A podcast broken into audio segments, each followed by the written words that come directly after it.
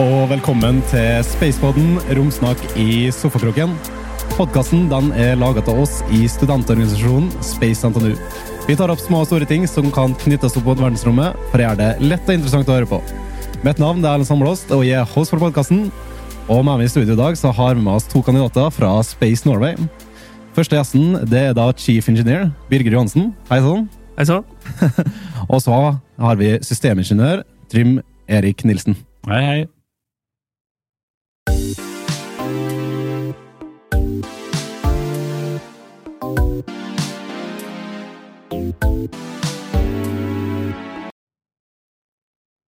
Og det jeg tenker er alltid fint å starte med å bli litt bedre kjent med personer som vi har her i studio. Eh, så vi kan jo starte litt med Birger. Litt sånn eh, din eh, vei før du var med i Space Norway. Ja, altså jeg er jo en sivilingeniør fra NTNU, så jeg gikk ut herfra i uh, 1999, eller år 2000. Og er utdanna som uh, siving i uh, satellittkommunikasjon, så jeg hadde et år i utlandet hvor jeg spesialiserte meg innenfor det. Og så begynte jeg i det eneste stedet å jobbe da i romfart i Norge på den tiden, og det var i Telenor Satellite. Og så jobbet jeg der i ti år med å lage missions og, og, og anskaffe nye telekom-satellitter. Og så gikk jeg over i en rolle i Romsenteret, hvor vi begynte da med dette prosjektet vi skal snakke om i dag, for ti år siden. Og der har jeg vært siden, da, og utvikle det prosjektet som vi, vi, vi skal launche neste år. Du har hatt en eh, ganske tydelig retning innenfor romfart eh, hele livet, da? Ja, jeg gikk rett fra studier på en måte som var romfartsrelatert, og så rett inn da i en romfartsjobb, kan du si. Ja, for det er litt sånn interessant. Vi har hatt for mange forskjellige gjester med forskjellige veier inn til romfart. Eh, og noen har jo bare på en måte ramla inn fordi at de f.eks. har en teknisk bakgrunn, og så endte de opp innenfor romfart. Men det virker som du har eh, pekt ut romfart ganske tidlig, da. Ja, jeg vil kanskje si at det var litt tilfeldig allikevel, fordi jeg var veldig interessert i å ta et år i utlandet da jeg gikk her på NTNU. Mm.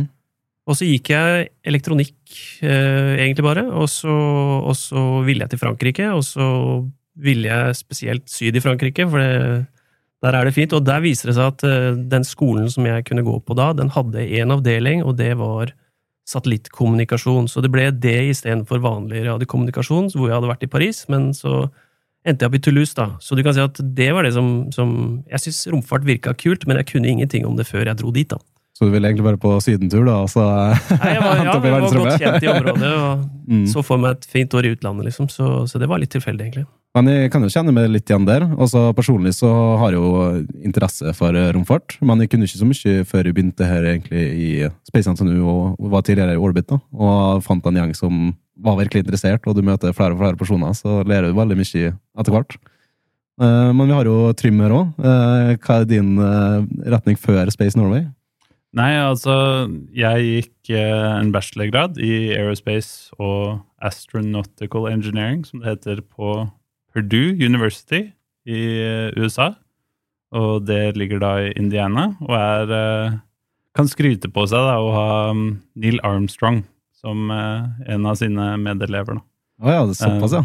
Ja, så de har faktisk en drøss med astronauter, da. Amerikanske astronauter de, de har som alum. da.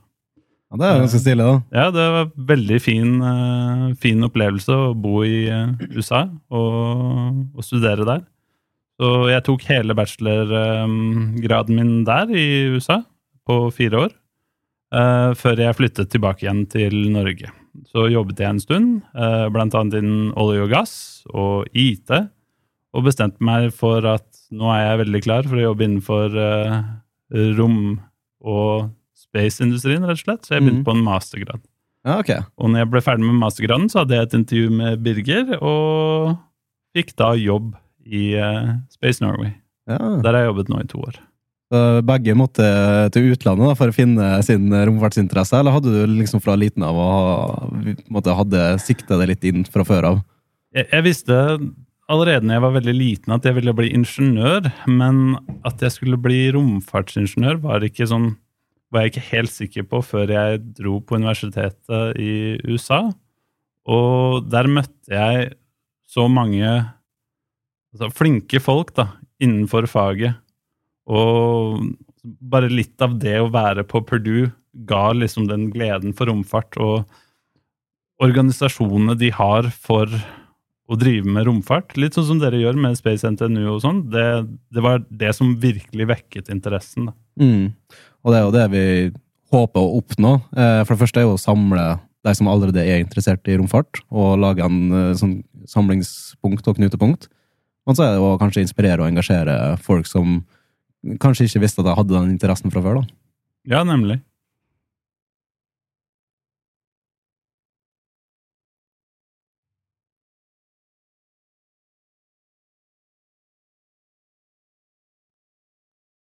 Men vi er jo her i dag for å snakke om Space Norway.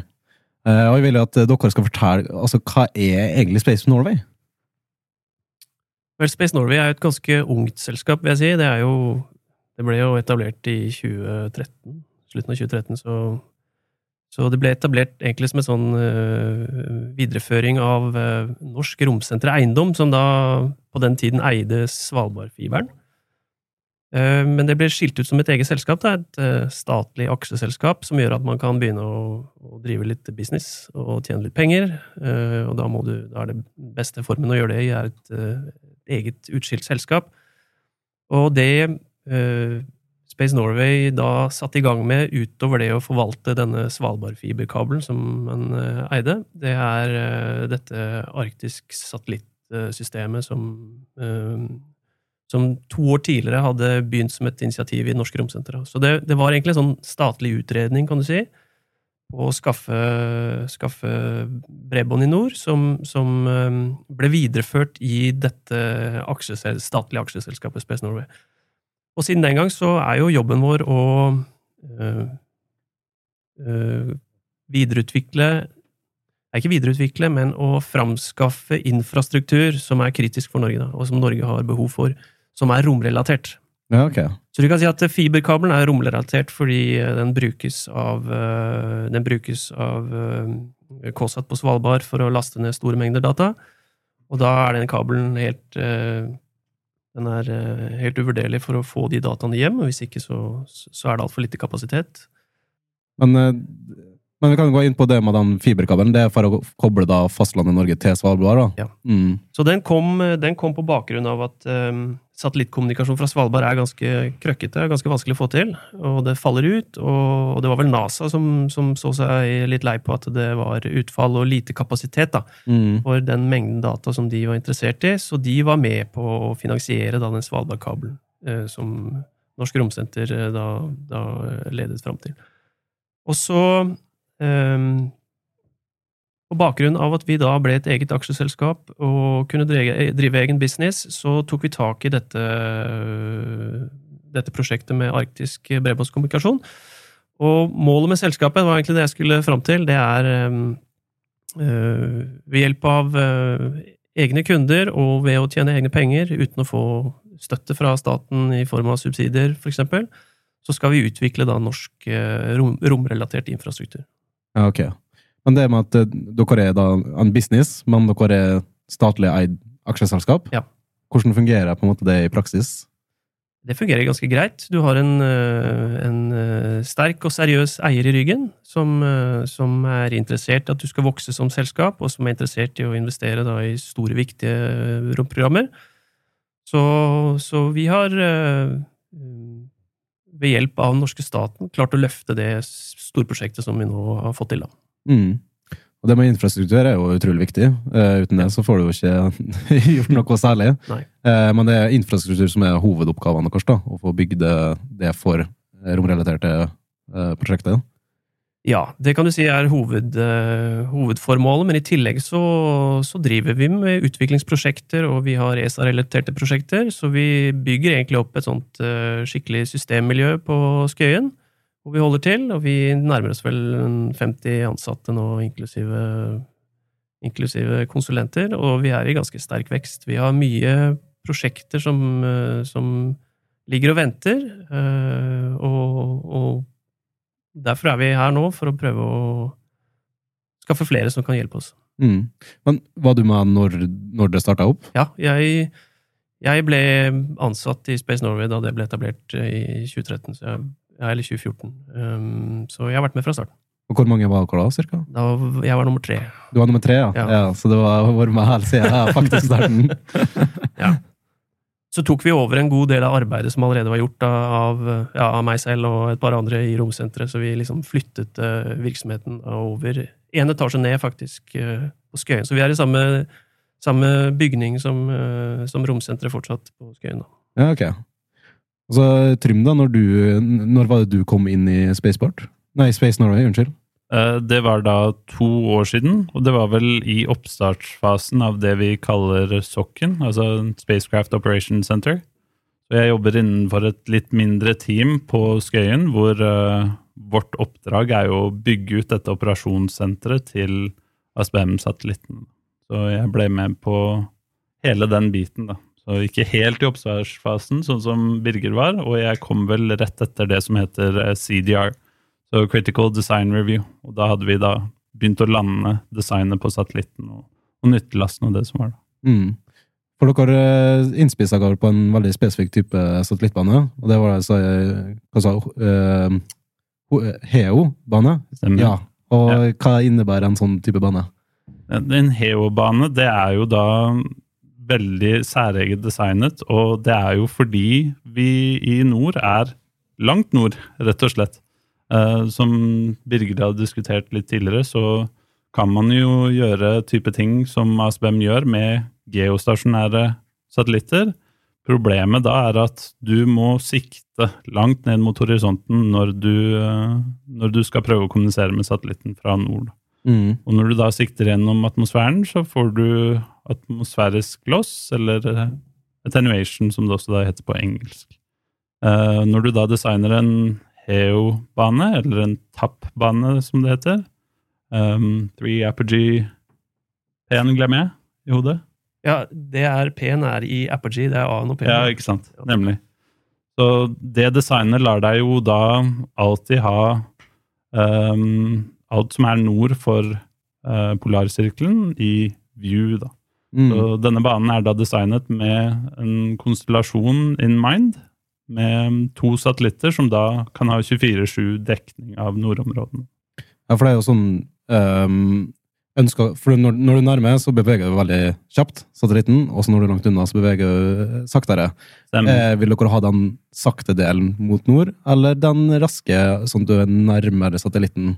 Du vil definitivt ha den sakte delen, som du sier da, over nord. Så har du mer eller mindre satellitten hengende over hodet. Og det er jo en tilnærming som ligner det med en geostasjonær bane, med at du da alltid har satellitten over hodet når den er geostasjonær. Mm. Um, og da, bare å presisere til lytterne da, med Ja. geostasjonær, altså det er en satellitt som er over samme posisjon eh, konstant, eh, og må være en spesifikk avstand fra jorda. Eh, Ja. Mens CHEO da har en elliptisk bane som en del er nærmere, og en annen del er en- et stykke unna. ja, det stemmer. Så du har jo en omløpstid på en geostasjonær bane på 24 timer for å følge rotasjonen på jorda. I vårt tilfelle så er jo da baneomløpet på 16 timer. Da. Ja. Og derfor trenger du to satellitter eh, for å kunne ha den 24-7-dekningen. Ja. Og så, eh, Dere vil jo snakke om et eh, spesifikt prosjekt som eh, vi skal utdype om i dag. og Hvilket prosjekt var det? Ja, nei, det er dette um, arktisk broadband Nei, skal vi se. Det er et engelsk det er ASBM er forkortelsen. Arctic Satellite Broadband Mission, Mm. heter det. Og det er, som Trym sier, fra geostasjonær bane så ser du ikke nordområdene. Eh, Du ser opp til Svalbard fra geostasjonær bane, men du ser I realiteten så er det vanskelig å få til, eh, få til skikkelig satellittkommunikasjon, la oss si nord for 75 grader eller noe sånt. Mm. Fordi det er veldig, Satellitten står veldig lavt ned på horisonten. Du skal langt gjennom atmosfæren, og du har bølger og, og sånn. Så du kan fint demonstrere at det, at det går å, kommunisere til skip opp til Svalbard, men i realiteten så, det, så kan det være trøblete. Nord for Svalbard så er det ikke noe, ikke noe kommunikasjon i det hele tatt, med annet enn sånne lavbanesystemer som akkurat i dag, da, Iridium eksempel, har ganske lav kapasitet. Og det betyr at du kan prate i en telefon, men overføre datamengder, det får du ikke til. For dere kan jo igjen presisere i forhold til det med geostasjonære baner. da. Altså, De må være over ekvator, eh, så hvis du da skal ha kontakt med Nord- eller Sørpolen, eh, i hvert fall såpass ekstremt som dere er, så kommer du jo veldig skjevt inn. Eh, så det gir jo mer mening da man eh, Ja, så du kan i prinsippet se for deg at du lyser på jordkloden med en eh, lommelykt. Da. Og Mm. da, da skjønner du at når du, er, når du står rett over ekvator, så klarer du rett og slett ikke å få lommelykten til å lyse helt opp på Nordpolen. Mm. Der blir det skygge, og det samme problemet møter vi i satellittkommunikasjon. En Så- veldig god metafor også, for du sprer effekten utover et større område, der, rett og slett. Mm. Eh, og hva, spesifikt, hva vil dere få måte, gjennomført med det prosjektet? da? Altså den satellitten, hva den skal gjøre? Jo, den skal gi internett til brukere som er der oppe, og som ikke har det fra før. Ja. Så en fiskebåt, for eksempel. Eh, du kan ha Kystvakten, du kan ha cruiseskip. Alle som beveger seg i disse områdene, har i dag ikke ordentlig eh, satellittkommunikasjon med brukbar kapasitet. Og vi snakker da typisk sånn megabit eh, og oppover.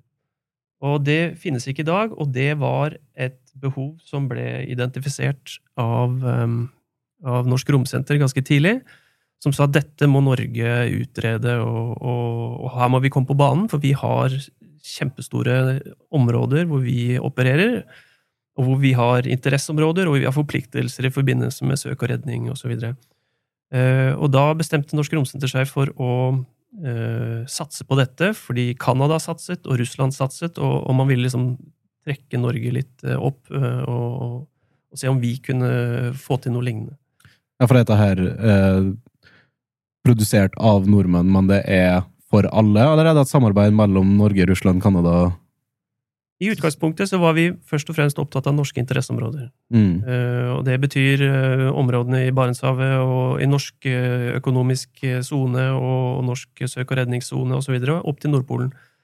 Men vi fant veldig fort ut at det er nesten litt bortkastet å ikke dekke alt når du først skal opp dit. Mm. For det viser seg at det er veldig vanskelig å lage en sånn regional dekning som bare fungerer i, i norske områder. Mm. Så i denne utredningen så fant vi ganske fort ut at det beste ville faktisk være å, å løfte oss ganske langt ut. Eh, for det ville gi oss muligheten til å bruke færre satellitter. Eh, problemet er at da må vi ha kraftigere satellitter. Og vi dro så langt ut at eh, vi kom opp i nesten tilsvarende geostasjonære banehøyde. Men der var vi jo godt kjent, eh, mange av oss som har jobbet i, i Telenor tidligere, at det virker, og der er det produkter vi kan kjøpe. Vi må bare modifisere satellittene litt, sånn at de virker der oppe. nå. Mm. Eh, Så det var bakgrunnen. Det var et norsk romsenter som dyttet på for å få dette til. Eh, Men eh, det var jo sånn at dette skulle være økonomisk lønnsomt. Og det er kanskje det som har vært vanskeligst å få til. Det er å finansiere et sånt prosjekt som det her, for det koster veldig mye penger. Mm.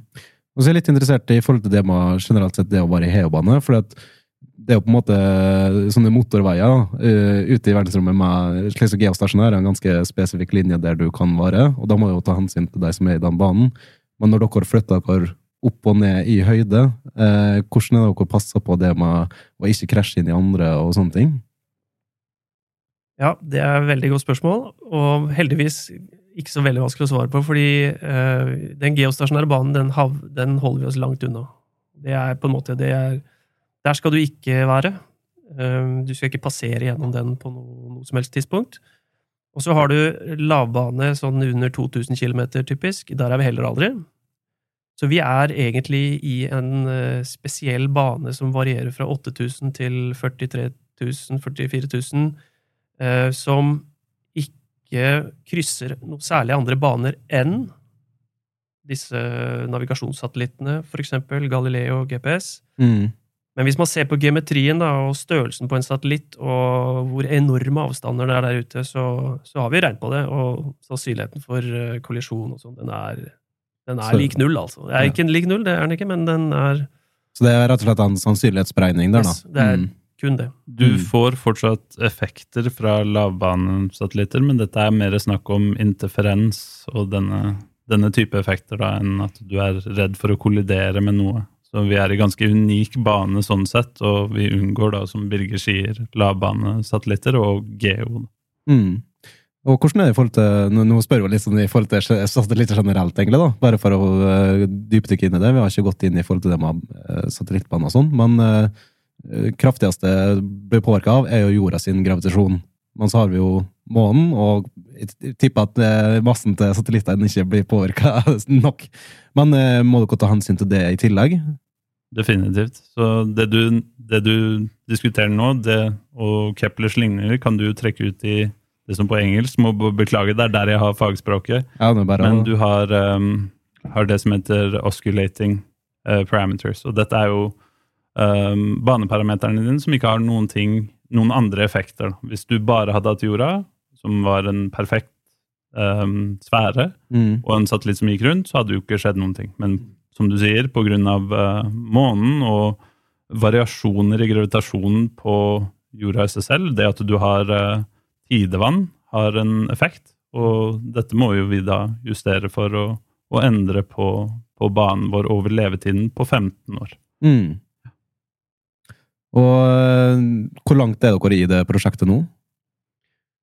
Vi er kommet så langt at vi ser målstreken nå, fordi vi skal skyte opp eh, om ca. ett år.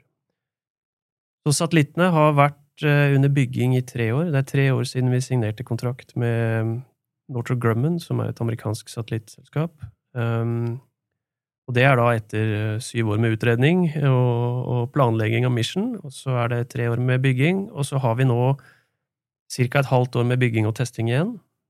Og så er det shipping til launchsite, og så opp om eh, ja, i oktober neste år.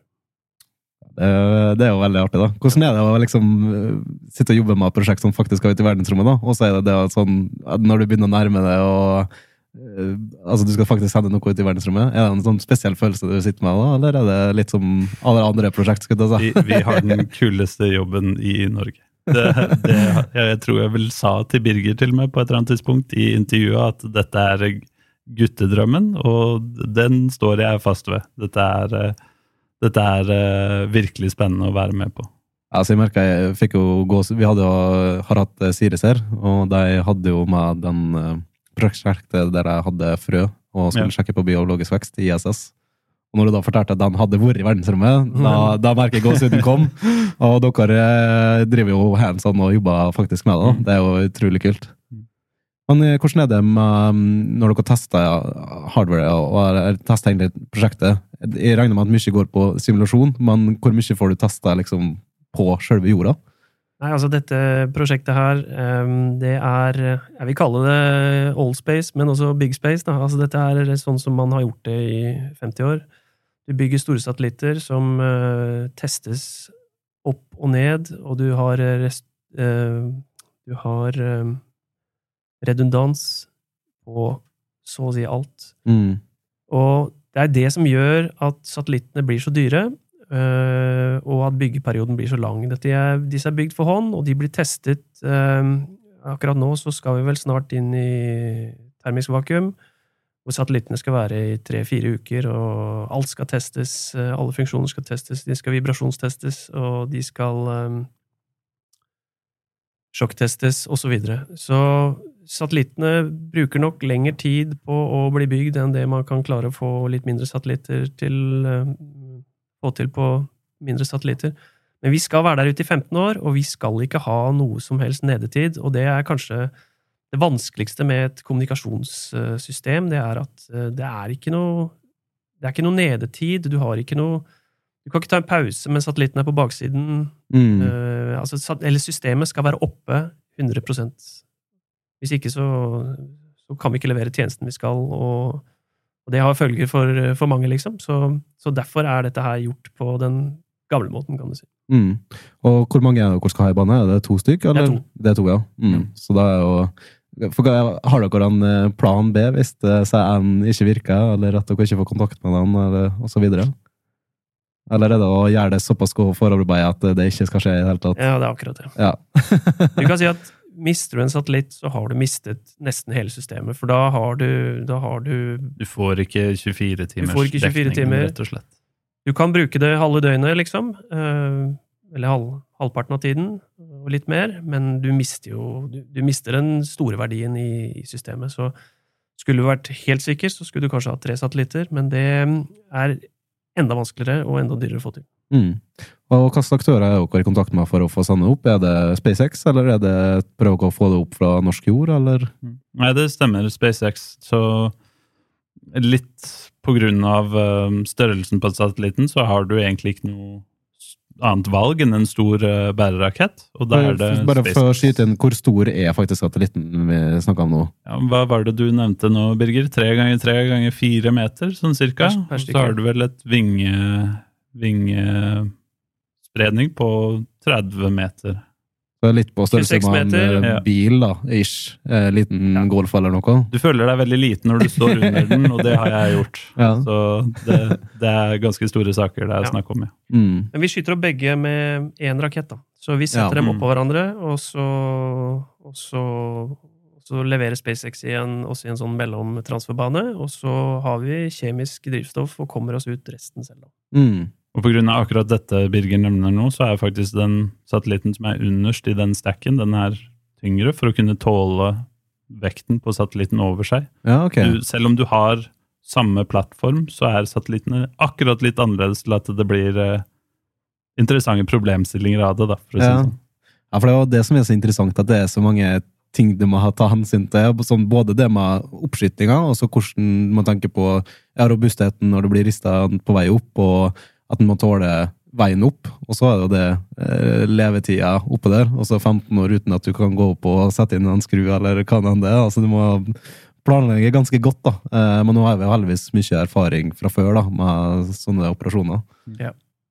Du kan kalle det skruene våre er telemetristrømmen du får ned. Det er snakk om over 10 000 telemetripunkter som gir oss status på satellitten, og som gjør at vi kan verifisere helsen på satellitten. Det er dette vi ingeniører må forholde oss til. Kan du legge telemetripunkter? Så det er jo Det, det kommer vel fra gresk, mener jeg. Tele betyr jo distanse, og metri kommer jo fra data.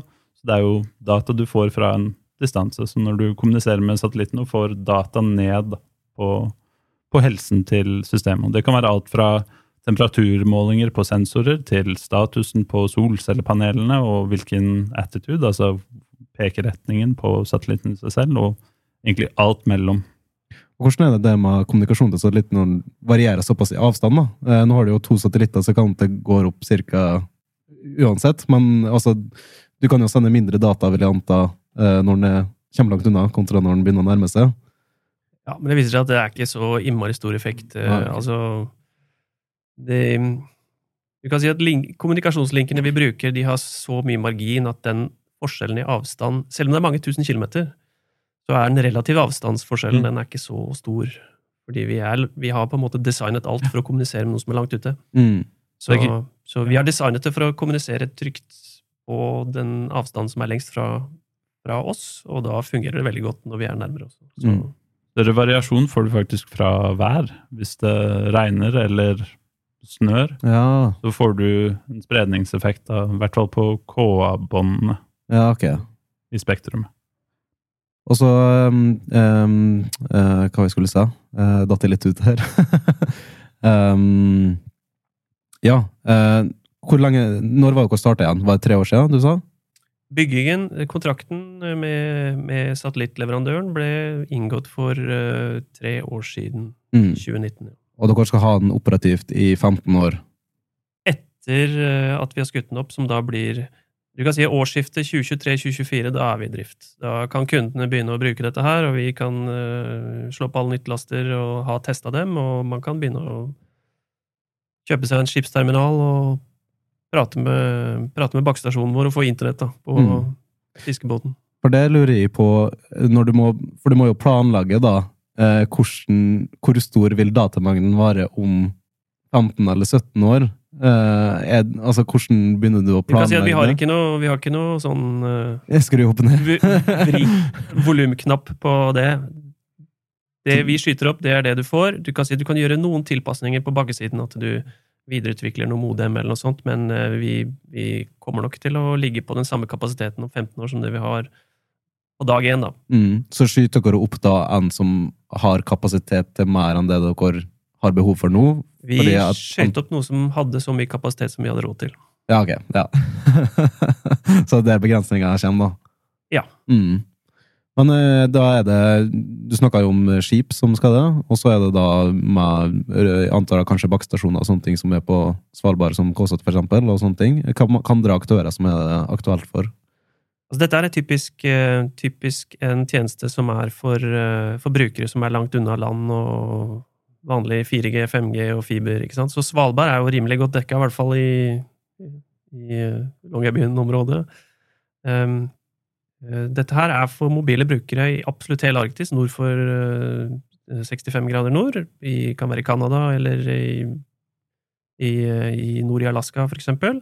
Mm. Um, og de største brukerne er um, Det skal sies, da, Space Norway vi går ikke og selger abonnementer og terminaler og sånn til sluttbrukeren. Det, det, har vi Det er det noen andre som gjør. Uh, uh, på vår satellitt, og det er Inmarsat, som er verdens største leverandør av sånne tjenester. De har leid denne nyttelasten i 15 år.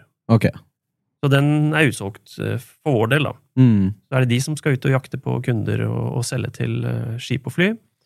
I tillegg så har det norske forsvaret investert i en egen nyttelast som, som de skal bruke for seg og de, de, allierte. Altså de skal bruke det til kommunikasjon til sine skip og andre installasjoner, mobile typisk. Mm. Og til slutt så har vi med en nyttelast, som er en kommunikasjonsnyttelast for US Space Force, som de skal bruke som, som kommunikasjon til, eh, til, sine formål. Mm. Så det er tre store kunder, kan du si, sett fra vårt perspektiv. Og så vil Innmarsat typisk ha en hel haug av andre kunder som kjøper f.eks. om et cruiseskip og fiskebåter og den slags. Mm. Og så i dag nå så sitter vi jo her på det vi har kalt for Speisa karrieredag. Eh, som er, vi har hatt med forskjellige aktører fra romfartsmiljøet, rett og slett. Eh, der dere annet har stand nå og skal snakke litt om hva dere driver med. Og hva er det dere ønsker å legge fokus på her på Speisa karrieredag? Nei, jeg vil jo si at uh, det er mye spennende som skjer i norsk romvirksomhet, og det er jo en av grunnene til at vi er her oppe. Um, Space Norway er et uh, fortsatt voksende selskap, og vi trenger kloke hoder.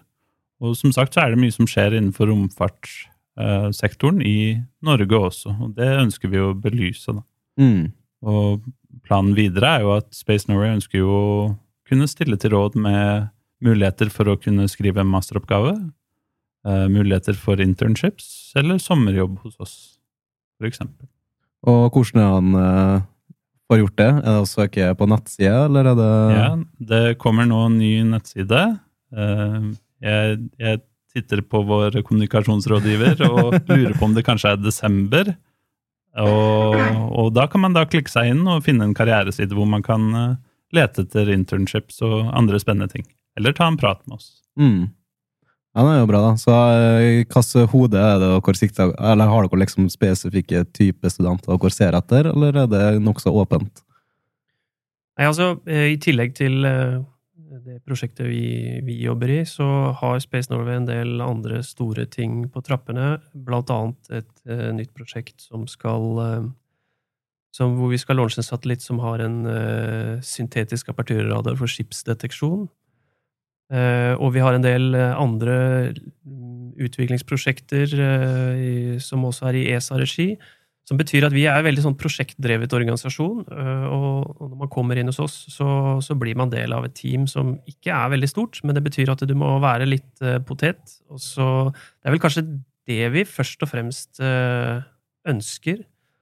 Fordi skal du inn i et lite mm. miljø og fungere på mange områder, så må du være en sånn litt sånn gründertype. Og, og, men du må Vi ser selvfølgelig etter folk med teknisk kompetanse, ikke sant? og glad i fysikk og matematikk og sånne ting. Også, altså, på ASBM så får du jo virkelig sett Keplers lover og. Newton mm. i, i, i, real life, liksom. Så, Bare for å understreke, så jobber jo jeg da i Spacecraft Operation Center i Sokken, og der har vi da fire ingeniører med fire forskjellige bakgrunner som, som jobber sammen. Så kloke hoder som er flinke til å tenke analytisk, er vi ute. Men i tillegg så, så er det jo prosjektbasert, og det betyr mm. gode prosjektledere er også veldig ettertrakta. Uh, og folk som har økonomiforståelse, osv. Så, videre. så Så jeg vil si det at uh, det her har litt med mennesketype å gjøre, tror jeg. Og de som trives i et uh, sånt selskap som vi er. Eh, så, så tror jeg det er veldig mange muligheter for, eh, for å lykkes, altså. Mm. Definitivt. Gjerne glad i sjakk òg. Hvordan er det på sjakkfronten? Er det en stor storhobby igjen, liksom? eller? Birger er en uh, veldig sterk sjakkspiller, så vi har spilt noen runder. Det er en stor overdrivelse, men vi, vi har fått oss sjakkbrett på kontoret, og vi Ja. pleier å spille noen hurtigsjakkpartier iblant. Mm. Ja. Hvordan er miljøet på jobb, da? Er det liksom, uh, Tar dere lønningsspill så finner på ting uh, utenom òg, eller?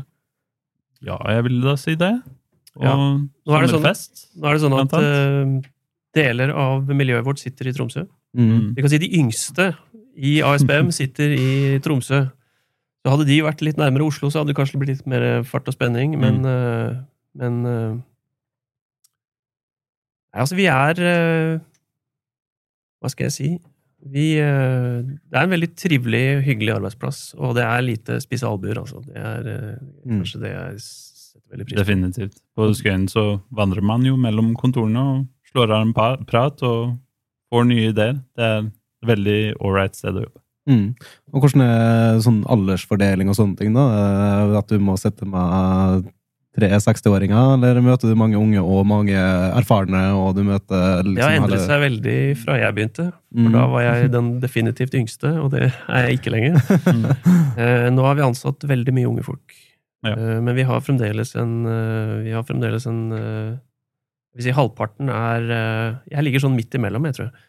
Det tror jeg stemmer. Jeg ligger på medianen, tror jeg. Mm. Eh, eh, jeg er 50, så vi har en bra miks med veldig erfarne folk, og så har vi masse unge som skal læres opp til å bli erfarne. Det kan du si spesielt innen ASBM-prosjektet, så er vel jeg en av de eldste ingeniørene i sokken, og jeg er 31. Ja, men da har du jo godt spenn der, da, så det er jo godt å komme inn. Og så har vi jo en annen ting, da, det er jo i forhold til kjønn. Vi har jo mange, både i Space NTNU og sånn, som er eh, damer, og jeg vet jo òg at mange damer er litt redd for å komme inn i romsektoren. Eh, så hvordan er det i forhold til kjønnsfordelinga og i forhold til kvinner, da? Er det noe dere har Det er noe vi jobber aktivt med. Vi har vært eh, mannsdominert, ikke nå lenger. Eh, Noen av de siste ansettelsene er kvinner, og den andelen den skal opp. Ja, for det er noe Jeg, jeg sa det jo kun for å presisere det, på en måte, for at jeg vet at det er Jeg tror det er mange damer som er litt måte, redd for å ta det steget inn, eh, men når du først er i miljøet, så er det ganske åpent og, og fint, og det merker vi jo eh, både hos bedriftene, men også i space-miljøet her i Trondheim. nå, At det er mange flinke damer her, og at det liksom eh, ikke var redd for å i hvert fall ta kontakt da, og prøve å komme det inn. Og vi har jo Tanja her, som vi har hatt, som sitter i studio her. Det får dere ikke sett på kamera, da. Eh, Men at det, det er jo mange, mange som jobber her, da. Så det, det er liksom ikke å ikke være redd for å på en måte starte. For all del, alle må jo oppfordres til å søke. Mm. Hvis man er flink, Mm. så er det bare å søke. Og så eh, Nå begynner vi å gå litt eh, mot eh, slutten her, da. Men jeg tenkte vi kan ta en liten sånn rolig Er det noen sånn artige hendelser eller ting dere kommer på som dere vil trekke fram eh, på tampen? Jeg har en liten en. Jeg vet ikke om jeg får litt uh, kjeft fra sjefen min, Georg, men uh, uh, vi var på, på Eggemoen for, eh, for en liten stund siden, hvor vi hadde workshop internt i Sokken. Eh, og han Georg Strømsmo, som han heter, han, eh, eh, sjefen min, han har da militær bakgrunn. Og sånn jeg skjønte det på han, så er det veldig vanlig å gå rundt med klistremerker fra skvadronen sin, da, som man Mm. gjerne tar med seg når man er på besøk hos andre. Da slenger opp på veggen. Uh, og vi fikk se en av disse eldste antennene i, i drift i Norge i dag, og var inne der. Det ser jo ut som et romskip på innsiden. ikke sant? Mye av teknologien er bygd på 70-tallet, men det er plass da, til å kunne krype seg inn. Mm. Og på veien ut så kom det en klask, en hånd opp på veggen, og nå ligger det et ASBMs klistremerke på innsiden av en av de eldste antennene i Norge. Da. Så det, det var litt stas. Ja, det er artig, da. Kommer du på noe, Birger? Som, eh, Ja, altså, vi, eh, vi eh, kjøpte jo um, oppskyting fra SpaceX. Um, og der sa SpaceX at det er vanlig å putte inn i statement of work, da, som er liksom arbeidskontrakten og beskrivelsen av hva de skal gjøre, viktig å putte inn et eller annet sånn ting som vi ønsker SpaceX skal gi oss, som kanskje ikke er så veldig kobla til, uh, til selve oppskytingen, eller til den tekniske delen av det, og da grubla vi fælt. For det var noen som pleide å spørre om at de ville gjerne ha en Tesla ja. til rådighet på under launch-kampanjen, eller uh, kaffetrakter, eller noe kjedelig. Men vi har blitt lovet av SpaceX at de skal lage et uh, heidundrende beach-party for oss uh, når vi er der borte, rett før oppskyting. Så det ser vi fram imot, og det står skrevet i kontrakten vår. så det jeg må alltid snike inn der du kan. Og jeg liker at du har spennet mellom kaffetrakter og en Tesla. Du fikk bare låne Teslaen, da. Fikk den ikke med deg. Ja. Jeg kjente det ble ganske høyt på lista mi nå å være med på launch. Ja, ja det får du kjekt. Ja, da tenker jeg at vi bare kan egentlig ta og runde av der. Eh, tusen takk til Trym og Birger for at dere var her og deltok. Tusen takk for oss. Tusen takk. Eh, og hvis du syns dette var interessant, så kan du høre mer om eh, Spacepodden på din prefererte podkastplattform. Du kan også finne ut mer om Space NTNU på sosiale medier eller eller nettsida vår spaceantenu.no. Takk for oss. Det var alt vi hadde for i dag.